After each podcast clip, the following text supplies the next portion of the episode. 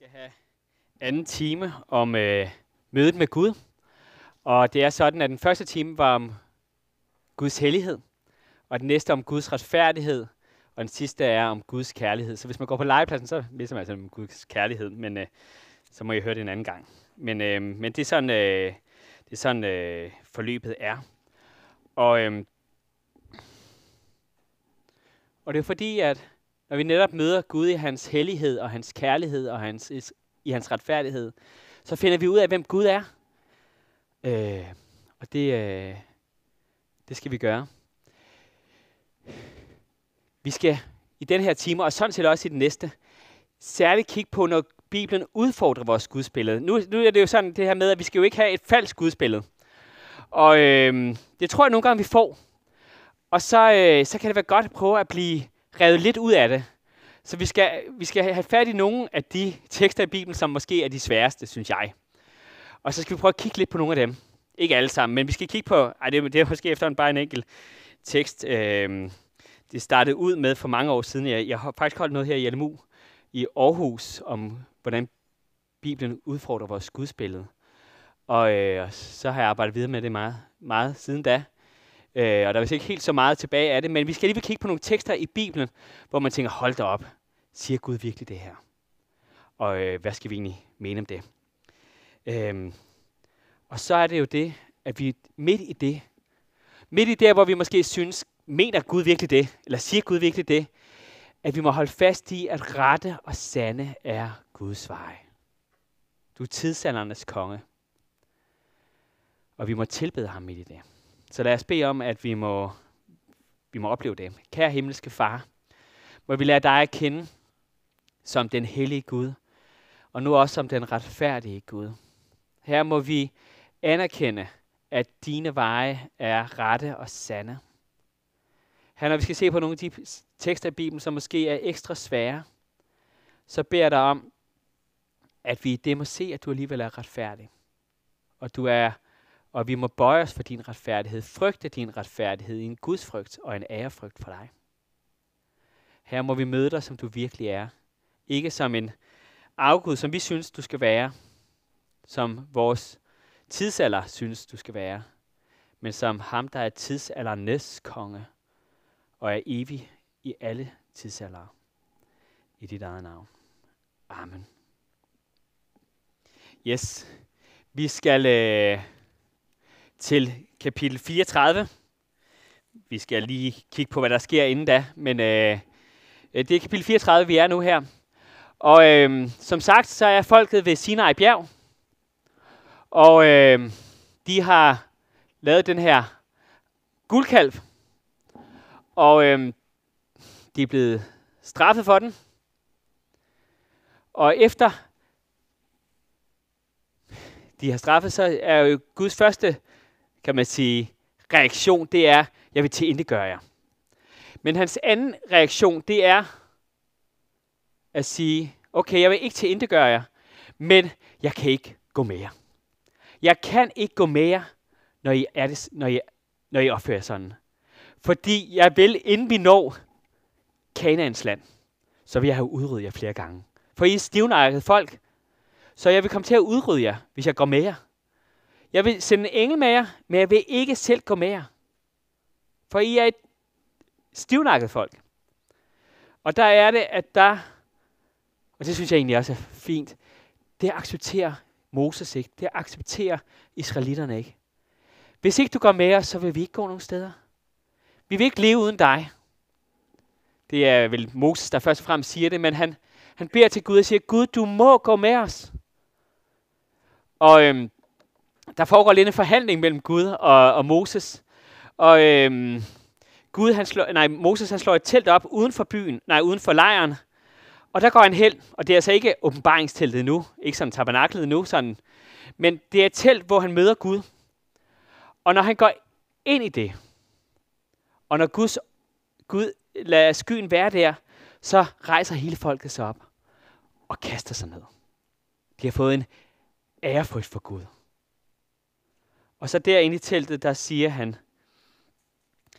øhm, så siger han Moses, hvis jeg virkelig har fundet noget for dine øjne, så kun gør med din vej og lad mig kende dig, så jeg kan bevare din velvilje. Husk på, at det er dit folk. Og Gud han siger, jamen så vil jeg gå med jer. Det er kapitel 33, vi er i nu. Så han siger, jamen okay, fordi, okay, så går jeg med, for din skyld. Og så herinde i teltet, midt i, at Gud han er så hellig, så kommer Moses til at sige noget mærkeligt, synes jeg. Han siger, må jeg ikke godt se din herlighed? Er det ikke vildt? Gud, som er så hellig. Gud, som er så frygtindgydende. Og så ønsker han alligevel at se hans herlighed. Se Gud endnu tættere på. Der er jo næsten ikke noget menneske, der har set Gud så tæt på som Moses. Og alligevel kan jeg ikke komme tættere på endnu. Kan jeg ikke se din herlighed? Og kapitel, vers 19 her i kapitel 33. Herren svarede, jeg vil lade al min skønhed gå forbi dig, og jeg vil udråbe Herrens navn foran dig. Jeg vil vise noget mod, hvem jeg vil, og forbarme over, hvem jeg vil. Men han sagde, du får ikke lov at se mit ansigt, for intet menneske kan se mig og beholde livet. Er I med på, hvor vi er? Kapitel 33, og vi er vers 20. Og nu kommer vi til vers 21, og Herren sagde, her hos mig, altså op på bjerget, der er der et sted. Stil dig på klippen. Når min herlighed går forbi, stiller jeg dig i klippespalten og dækker med hånden til dig, til jeg er kommet forbi. Derefter tager jeg min hånd væk, så du får mig at se fra ryggen. Mit ansigt må ingen se. Så Moses han siger, jeg vil gerne se dig. Og så får han lov til at gå op på bjerget endnu en gang for at se Gud. Øh, og der, det er det, vi møder i kapitel 34. Gud siger til Moses nemlig, nu skal vi se, om ikke jeg har det. Jo, det har vi her. Herren sagde til Moses, tilhug to stentavler som de forrige. På dem vil jeg skrive de ord, der stod på de forrige tavler, som du knuste. Hold dig redde til i morgen. I morgen tidlig skal du gå op på Sinai's bjerg og stille dig hos mig der, på toppen af bjerget. Ingen anden må komme op sammen med dig. Der må overhovedet ikke vise sig noget på bjerget, og hverken får eller køer må græsse lige ved bjerget. Moses tilhuggede to stentavler som de forrige, og tidligt om morgenen gik han op på Sinai's bjerg, sådan som Herren havde befalet ham, og han tog de to stentavler med sig. Herren steg ned i skyen og stille sig hos ham. Og nu bliver det beskrevet det her med, at Gud vil komme forbi ham, dække hånden, og så vil han udråbe sit navn foran sig. Og så vil Moses se ham forfra. Eller bagfra hedder det. Han ser, han ser ikke hans ansigt, men han vil se ryggen. Det er spændende, hvad der står. Og jeg kan godt afsløre med det samme. Vi får ikke at vide, hvordan Gud ser ud for ryggen af. Det får vi ikke at vide. Men vi får alligevel at vide, hvem Gud er. For hans navn bliver udråbt. Hvad er det, der er med det her med navn? Øhm, jeg tænker i det med jer, som har børn, I har jo udtænkt, hvad, hvad for nogle navne jeres barn skal have. Og I har nok haft for og imod og sådan noget. Og man kan også nogle gange synes, et navn er lidt kontroversielt, og så kan det være, hvis det er dem af jer, der er bedsteforældre, så måske, hvad, hvad kommer mit barnebarn til at hedde? Det første barnebørn, det er jo spændende. Og så kan man, man tænke, ah, det var da et mærkeligt navn. Det var jo, og så er det det der med, det var jo min oldemors faster, hende der var så sur, som mit barn har fået navn efter. Det var for, hun, var, hun var helt forfærdelig. Hvorfor skal mit barnebarn hedde det? Øh, og så, øh, så kan man synes, det var da et skrækkeligt navn. Og altså, da vi skulle finde navn, så, så har jeg egentlig gjort meget ud af det der med, at de skulle have navn med en betydning. Så vores, navne, øh, vores øh, børn har, har navne med en betydning, som jeg synes, den er god. Øh, øh, men der er det særlige ved navne, at betydningen, den tidligere betydning af et navn, den forsvinder. Der går ikke lang tid med det der fantastiske kære, øh, kære lille barnebarn, før man fuldstændig har glemt den der forfærdelige tante, eller hvad det var. Hvad sker der nemlig med et navn? Navnet får nemlig indhold af den person, som bærer navnet. Det er pers- personens personlighed, som bliver et med navnet. Og det er derfor, det er lidt sjovt, når man har en navnebror, at pludselig så har et, har et navn to betydninger.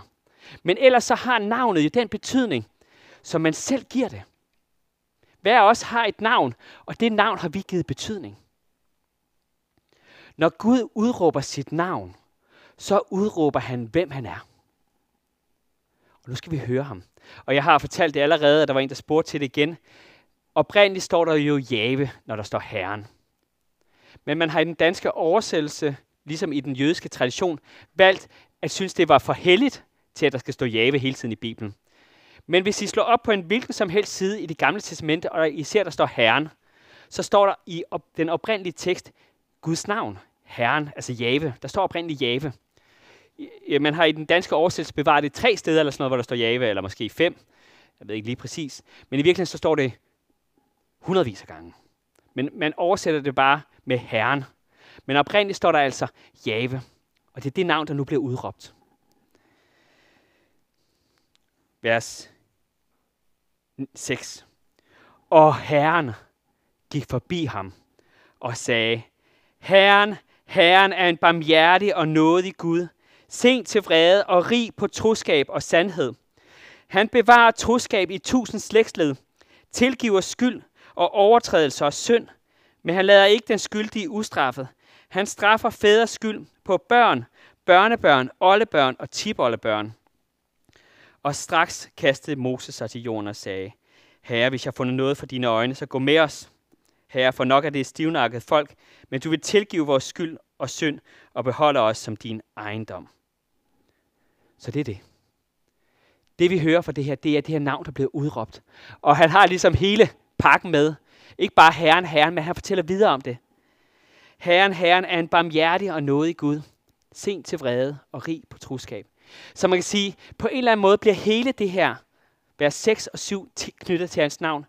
Her har vi simpelthen en beskrivelse af, hvem Gud er. Og det er det, vi skal kigge på i den her time og i den næste time. Det er en beskrivelse af, hvem Gud er, som en barmhjertig og nådig Gud, sent til vrede og rig på troskab og sandhed. Så vi bevarer troskab i tusind slægtsleder, tilgiver skyld og overtrædelser og synd. Den del skal vi kigge på i næste time om Guds kærlighed. Men vi skal også have det andet med.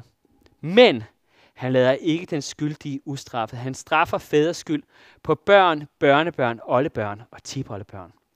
Det vil sige, det bliver simpelthen sagt helt inde i Guds aller dybeste væsen. Han er en, der for det første straffer. Gud er en Gud, der straffer. Hvis du spørger den almindelige dansker, tror du på Gud, så vil der være en del, der siger ja. Tror du, Gud han er en, der går rundt og straffer? Så tror jeg, der er mange, der vil sige nej. Det er her, en af guldkalvene bliver lavet i Danmark. Nej, Gud er en kærlig Gud. Han er flink og rar og sød og så videre. Flink, ja, venlig. Jeg spørger nogle gange mine konfirmander, og de siger sådan, tolerant. Øh, hvad var det, det var for et ord, de brugte her for nylig?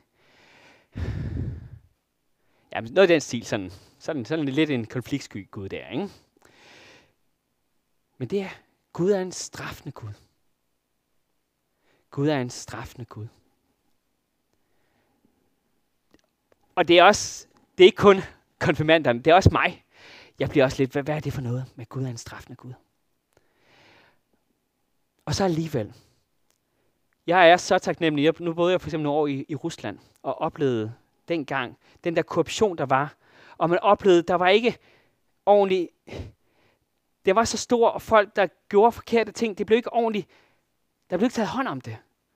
Og jeg har været så glad for at komme tilbage til Danmark og opleve et land, hvor der ikke var den her korruption. Hvor der ikke var den her... Øh, hvor retfærdighed sker fyldest i en eller anden grad. Det kunne sikkert være bedre. Men det er skrækslagende at leve et sted, hvor der ikke sker retfærdighed.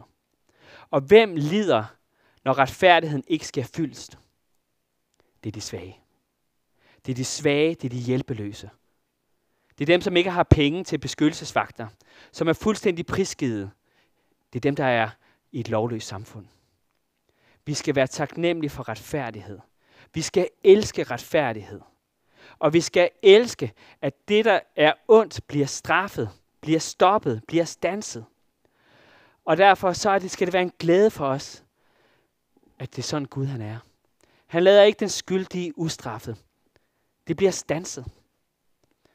Vi kan nogle gange tænke, og det gjorde de også, hvis I læser Salmernes bog, det var et af de store øh, anførgelsespunkter. Gud, når du er en retfærdig Gud, hvordan kan du så lade den og den gå rundt ustraffet og lave så meget ondt? Jeg så for nylig nogle dokumentarer om Hitler.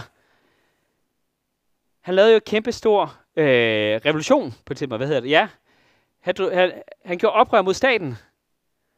Han fik 11 måneders fængsel for det i Tyskland. Altså før han blev rigskansler det hele.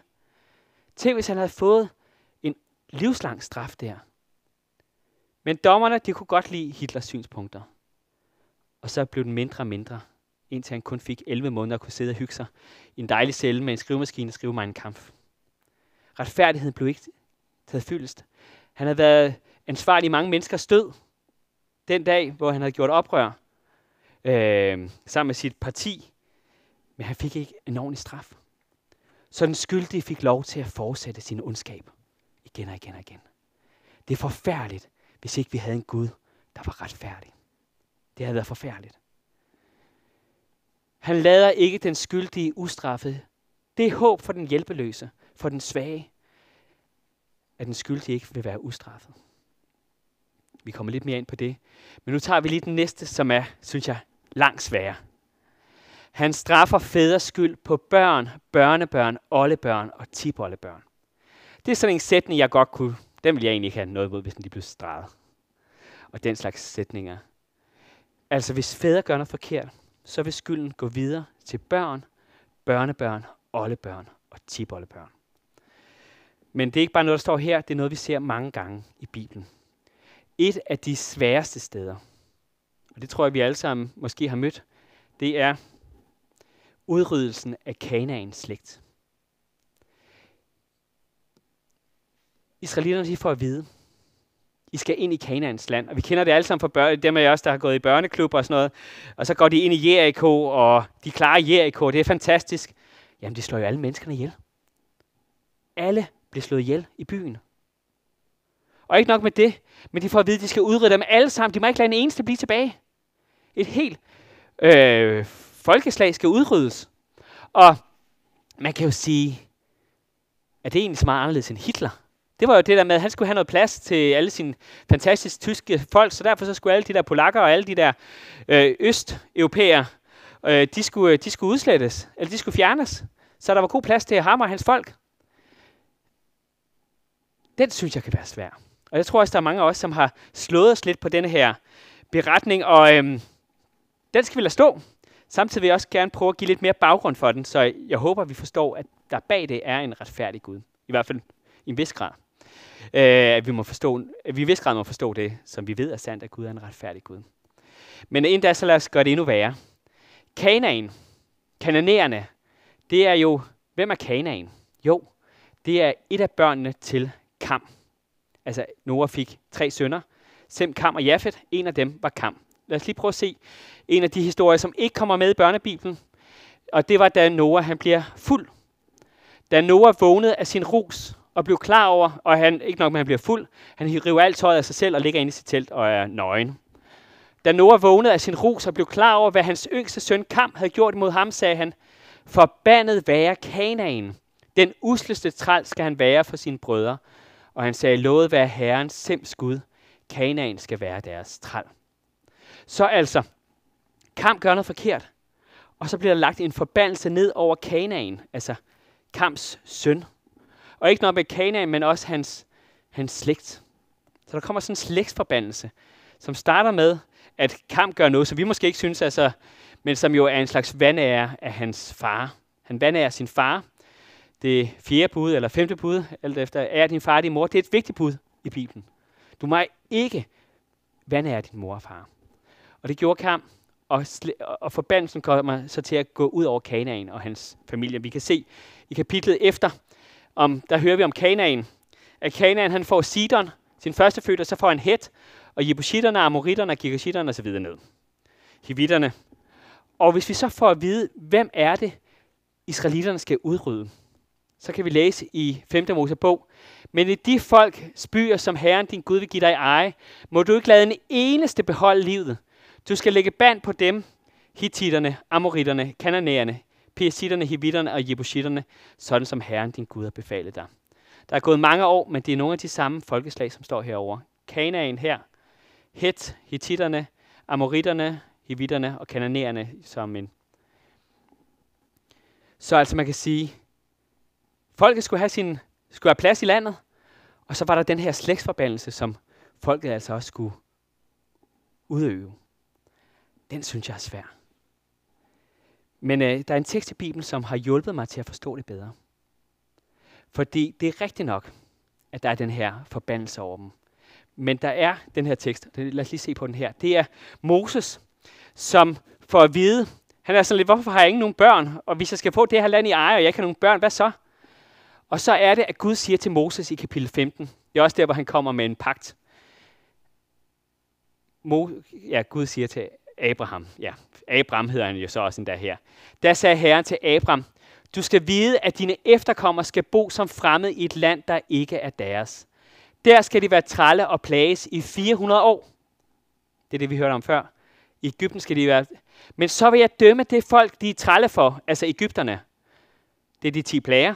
Og derefter skal de drage ud med store rigdomme. Ægypterne gav mange rigdomme, så det har vi også med.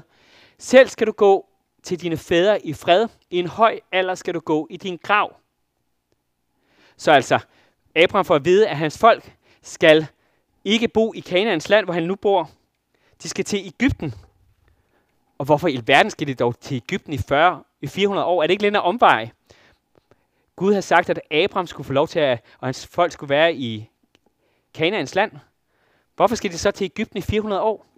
Det kommer i den næste sætning. Først i det fjerde slægtsled, og et slægtsled tælles her åbenbart som 100 år. Først i det fjerde slægtsled skal de vende tilbage hertil, for målet for amoritternes synd er endnu ikke fuldt. Det synes jeg er en interessant sætning. Grunden til, at de ikke kan få landet i eje, det er fordi amoritternes synd ikke er fuldt. Jeg prøver lige at gøre det så tydeligt som muligt. Så mens Abraham var i landet, i det her land, så var målet for amoritternes synd endnu ikke fuldt. De havde ikke syndet nok. Og Gud kunne altså ikke give dem landet til Abrahams børn, det ville, fordi det ville være uretfærdigt. Det ville simpelthen være uretfærdigt, hvis amoritterne skulle smides ud nu, for de havde ikke syndet nok. Men fordi Gud ved alt, så ved han også, at 400 år senere, så er målet for amoritternes synd nu fuldt, fyldt, og israelitterne kan erobre landet. Det vil sige, straffen, som kommer fra Kanaan og videre ned, det bliver kun eksekveret, fordi amoritterne fortsætter synden fra deres fædre. De fortsætter synden, og som vi hører, så brænder de også deres sønner og døtre af til, øh, til afguder og sådan noget. Og efter de har gjort det i de her 400 år, så en dag så siger Gud, nu har I syndet nok.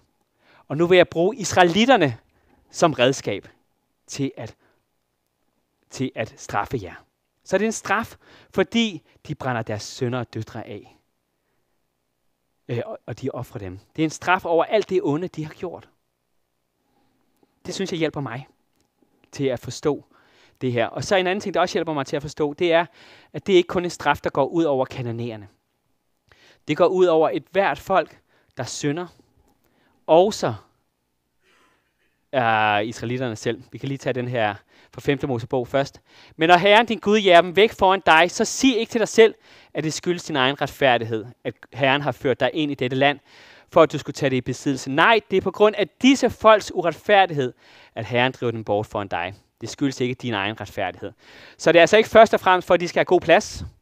Det er fordi, at folket, altså at amoritterne, kananæerne, har gjort onde ting. Nej, på grund af disse folks uretfærdighed vil Herren, din Gud, drive dem bort foran dig, også for at holde det løfte, som Herren din Gud gav din fader, Abraham, Isak og Jakob. Gud kan godt fuldføre ting, flere ting på en gang. Holde et løfte og straffe et folk. Du skal vide, det ikke skyldes din retfærdighed. Ja, nu har vi fattet det efterhånden. Det er ikke deres skyld i hvert fald. Og så er pointen, at den samme straf gælder også israelitterne. Israelitterne er et velsignet folk. De er velsignet. Og alligevel, så sker det samme med dem. Igennem Israels historie, så synder de mere og mere. Og de synder til sidst så meget, at Gud vælger at dele deres land i to dele. Så de ikke er mere det her fantastiske en, et folk. Men deres mål er ikke fuldt endnu.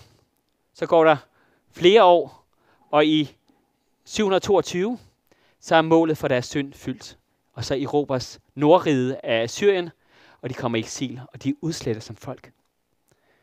Altså, man kan sige, en dag sker der vist nok en sammenflætning igen af, men ellers kan man sige, rent historisk set, så kender vi ikke meget til de sidste 10 stammer. De bliver simpelthen udryddet på det her tidspunkt. Øhm, Judæerne nede i Sydriget, de synder, men ikke helt så meget. Deres mål er ikke fyldt endnu. der i 722. Men, det er så lige små 150 år senere, i år 578, der er målet for deres synd fyldt. Og så bruges babylonerne, ligesom assyrerne og altså ligesom israelitterne selv har været brugt som et redskab til at eksekvere dommen, så bliver de eksekveret, de bliver ført til eksil. Og kun på grund af løfter til Abraham får de lov til at vende tilbage som et lille folk. Yes. Og så er der en slægt mere, vi skal tale om. Abrahams slægt. Nej, Adams slægt. Nu skal vi have navnet rigtigt. Adams slægt. Der kom også en forbandelse ind over Adams slægt. Han syndede. Han syndede mod Gud. Og det man kan tænke, hvorfor skal det gå ud over mig? Det går kun ud over dig, fordi du fortsætter i samme spor. Du fortsætter i samme spor. Adam og hans slægt. Forbandet være en vær, som ikke bliver ved alt det, som står skrevet i lovbogen og følger det. Der er kommet forbandelse ind over alle slægtsled siden Adam. Fordi vi ikke har brudt ud af det her. Vi har ikke gjort noget andet, end Adam gjorde. Vi har gjort oprør mod Gud, og derfor må det sige, forbandet være en også israelitterne, som ikke bliver ved alt det, som står skrevet i lovbogen og følger det. Det er den forbandelse, som der er ind. Så på Bibelen taler om straf, den taler om forbandelse, som er lagt ind over alle mennesker. Så altså fra den oprindelige velsignelse, Adam var velsignet, Israels folk var velsignet, alles jordens folkeslag var oprindeligt velsignet, men øh, det blev til forbandelse. Ja. Noah var jo også et velsignet folk, men der gik ikke lang tid før, at de blev forbandet med øh, Babelstårnet. Adam var et, Abraham var, hans slægt skulle velsignes, men de oplever forbandelse. De bliver også straffet for deres synd, fordi de gør imod Guds lov. Og så skal vi til velsignelsen igen. Hvordan får vi velsignelsen tilbage? For frelsen fra forbandelsen. Der står sådan her Galaterbrevet, som jeg også citerede før. Kristus har løskøbt os fra lovens forbandelse ved selv at blive en forbandelse for vores skyld. Der står jo skrevet, forbandet er en vær, der hænger på et træ. Det står i loven, at øh, man skal ikke lade et lig hænge i løbet af natten, fordi det bringer forbandelse over landet. Men Jesus han hang på et kors. Han hang på et træ. Han tog forbandelsen, for at den ikke skulle ramme dig. For at velsignelsen til Abraham kunne nå ud, ja selv til hedninger, ikke kun til Israels, men også til de tilbagelevende kananæer, til danskere, til enhver fra Adams slægt. Og der har vi to fantastiske undtagelser for nogen, der ellers oprindeligt var under forbandelse. Rahab var en kananæisk kvinde, prostitueret virker det også til. Hun tog imod Guds folk. Og hun blev ikke ramt af forbandelsen. Fordi hun troede. Så selvom hun kom fra en forbandet slægt, så blev hun ikke ramt. Det samme må vi også sige. Det kan godt være, at vi oplever nogle gange, måske har vi en slægtsforbandelse, som, hvor vi også synes, det, også en fra vores egen slægt, måske vores fædre, eller hvor har, har gjort en, har, har måske kørt os, øh, gået af forkerte veje, og det har også måske, kan man sige, ramt ind til i dag. Også, måske også, men vi må vide, at med den, der kommer til Jesus, der er der et brud med forbandelsen. Den oplevede Rahab. Hun fik lov til at blive en del af Guds folk. Det er også det, der sker med enhver hedning, som kommer til tro på Jesus. De får lov til at komme ind i Guds folk. Og så har vi et andet fra det nye testamente, der står om den kananæiske kvinde. Matthæus kapitel 15. I kender måske godt historien. Der kommer hendes, hendes datter er besat.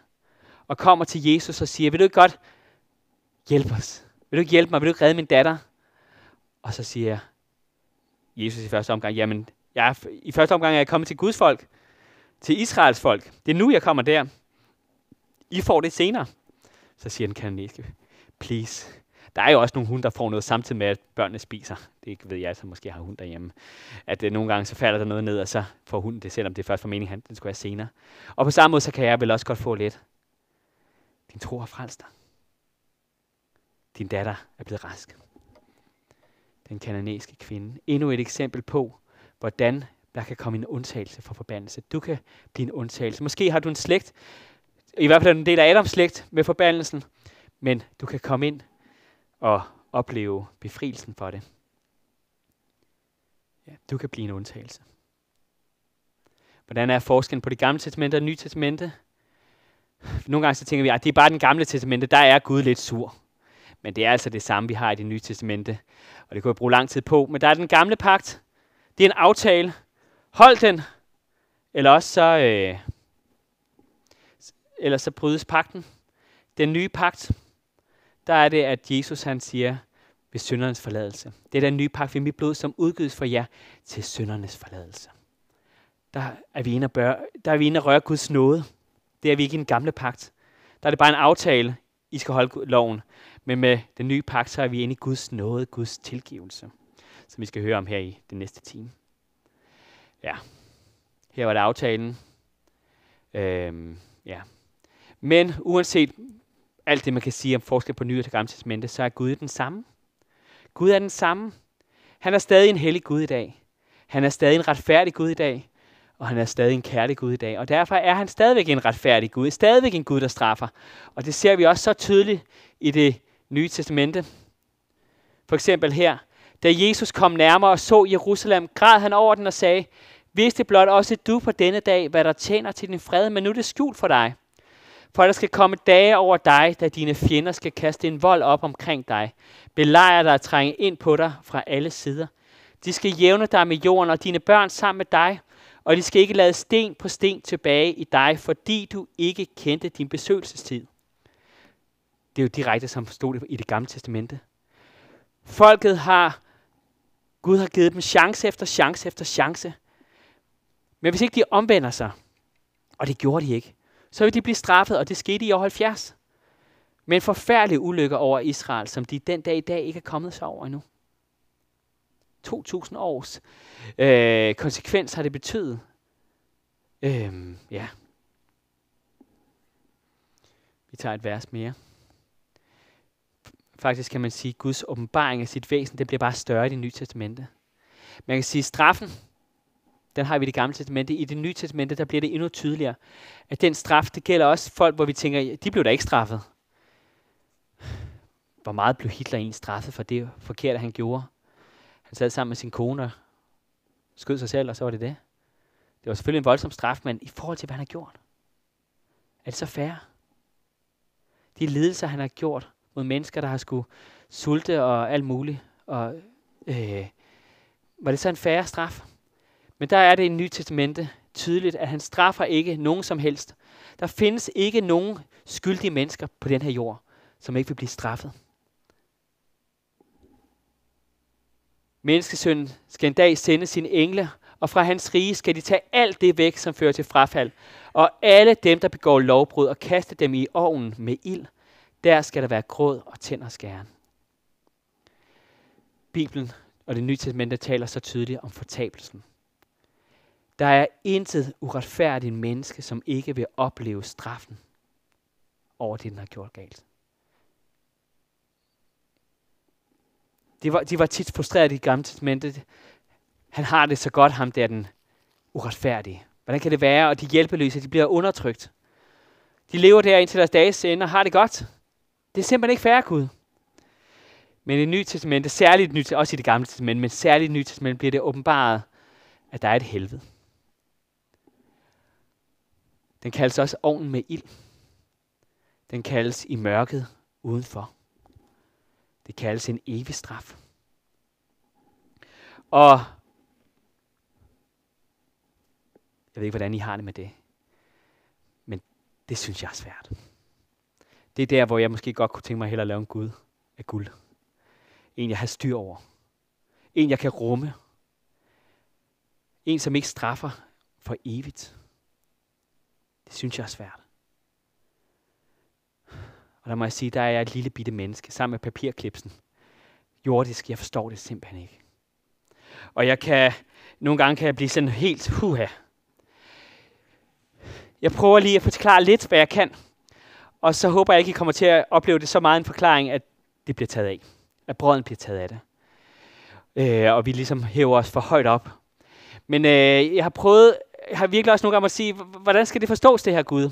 Og lidt ligesom, at det har hjulpet mig, det her med Abraham, så er der også nogle ting i det nye testamente, eller i Bibelen, der har hjulpet mig lidt.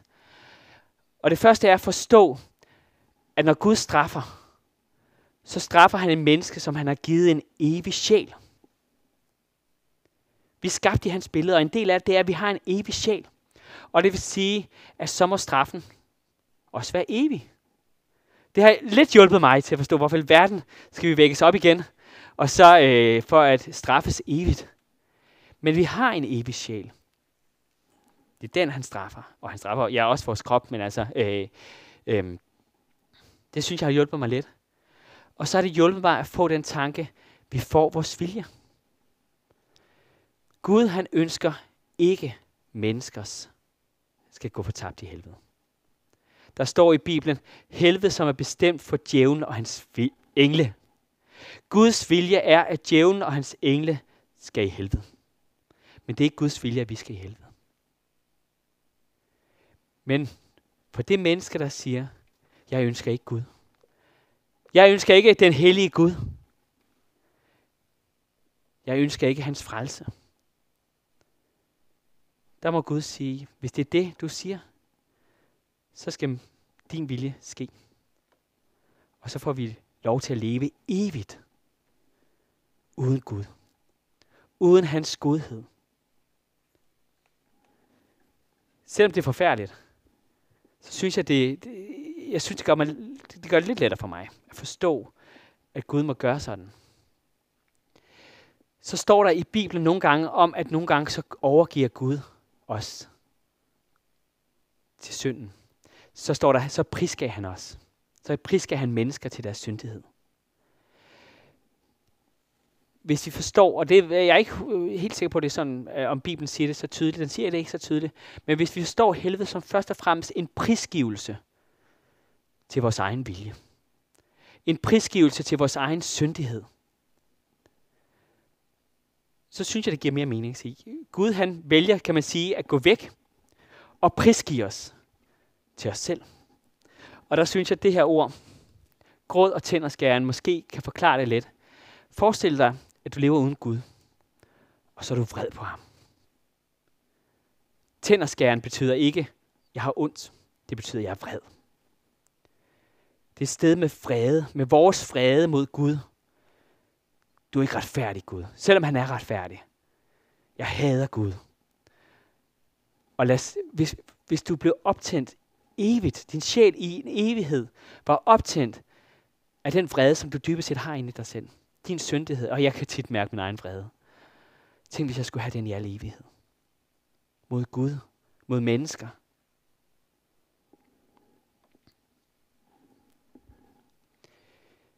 En form for evig forladthed af Gud. Selvfølgelig Gud er alle steder, så vi skal ikke ligge for meget i det. Men alligevel sådan at sige, Gud har prisgivet dig til din egen syndighed, overgivet til sig selv, hvor man får sin egen vilje. Det har gjort det lidt lettere for mig at forstå det med helvede. Det kan godt være, altså, fordi i stedet for at sige det som, som et sted, hvor Gud går rundt sådan og tænker, hvad, hvordan skal jeg straffe ham i dag? Og så mere at sige det som det her, den her evige fortabthed over for Gud. Jeg ved ikke, om jeg kommer til at forklare Gud mere. Øh, så, så, så, så undskyld jeg. Ja, og vi kan godt have en snak om det. Men jeg synes alligevel, det, det har hjulpet mig øh, til, at, til at kunne acceptere den her evige forladthed. ev, nej, den her evighed. Evig straf bort fra Gud. At det er det, der ligger i det? Ja. Men der er en befrielse. Men fra den 6. time faldt der mørke over hele jorden ind til den 9. time. Og ved den 9. time råbte Jesus med høj røst, Eli, Eli, lema sabachthani. Det betyder, min Gud, min Gud, hvorfor du forladt mig. Jesus han oplevede et helvede, hvor Gud forlod ham. Men det gjorde han, for at du aldrig skal forlades. For at gøre det muligt for dig ikke at nå helvede. Men derimod at opleve at leve med Gud i al evighed under hans, forba- øh, under hans velsignelse, hans kærlighed. Ja, Guds retfærdighed, den er voldsom. Og den er voldsom, fordi den kan ramme os alle sammen. Og selv dem, vi elsker. Og derfor er det en forfærdelig ting at tænke på, at Gud en dag vil straffe det onde. Men vi må også vide, at han er rette. Det er rette og sande, hans veje. Det er rette og sande. Han er tidsalderens konge. Han er ikke kun konge i, i vores lille øh, moderne tidsalder, hvor vi synes, Gud skulle være så flink og rar. Han er ret og sand. Hans, hans, altid. I alle kulturer. Det er ret, det han gør. Og det må vi lægge os ind under. Og så også vide, at der er en, ret, der er en, der er en befrielse. For Jesus han var klar til at tage den. Han, han, han tog vores forbandelse. Han tog vores forladt. Han tog straffen, for at vi skulle undgå den. Lad os bede sammen. Herre Gud, vores ønske er, at vi må møde dig. Herre, må vi møde dig på Sinai og se din straf og se, hvor voldsom du er. Lad os møde dig i din retfærdighed. Men før os også til Golgata og se, at, os, at vi får lov til at gå fri. Og gør, at vi må tage imod dig, så din vilje sker. Du, som ikke ønsker noget menneske, skal gå fortabt, men skal nå til omvendelse. Herre, det beder vi dig om. I Jesu navn. Amen.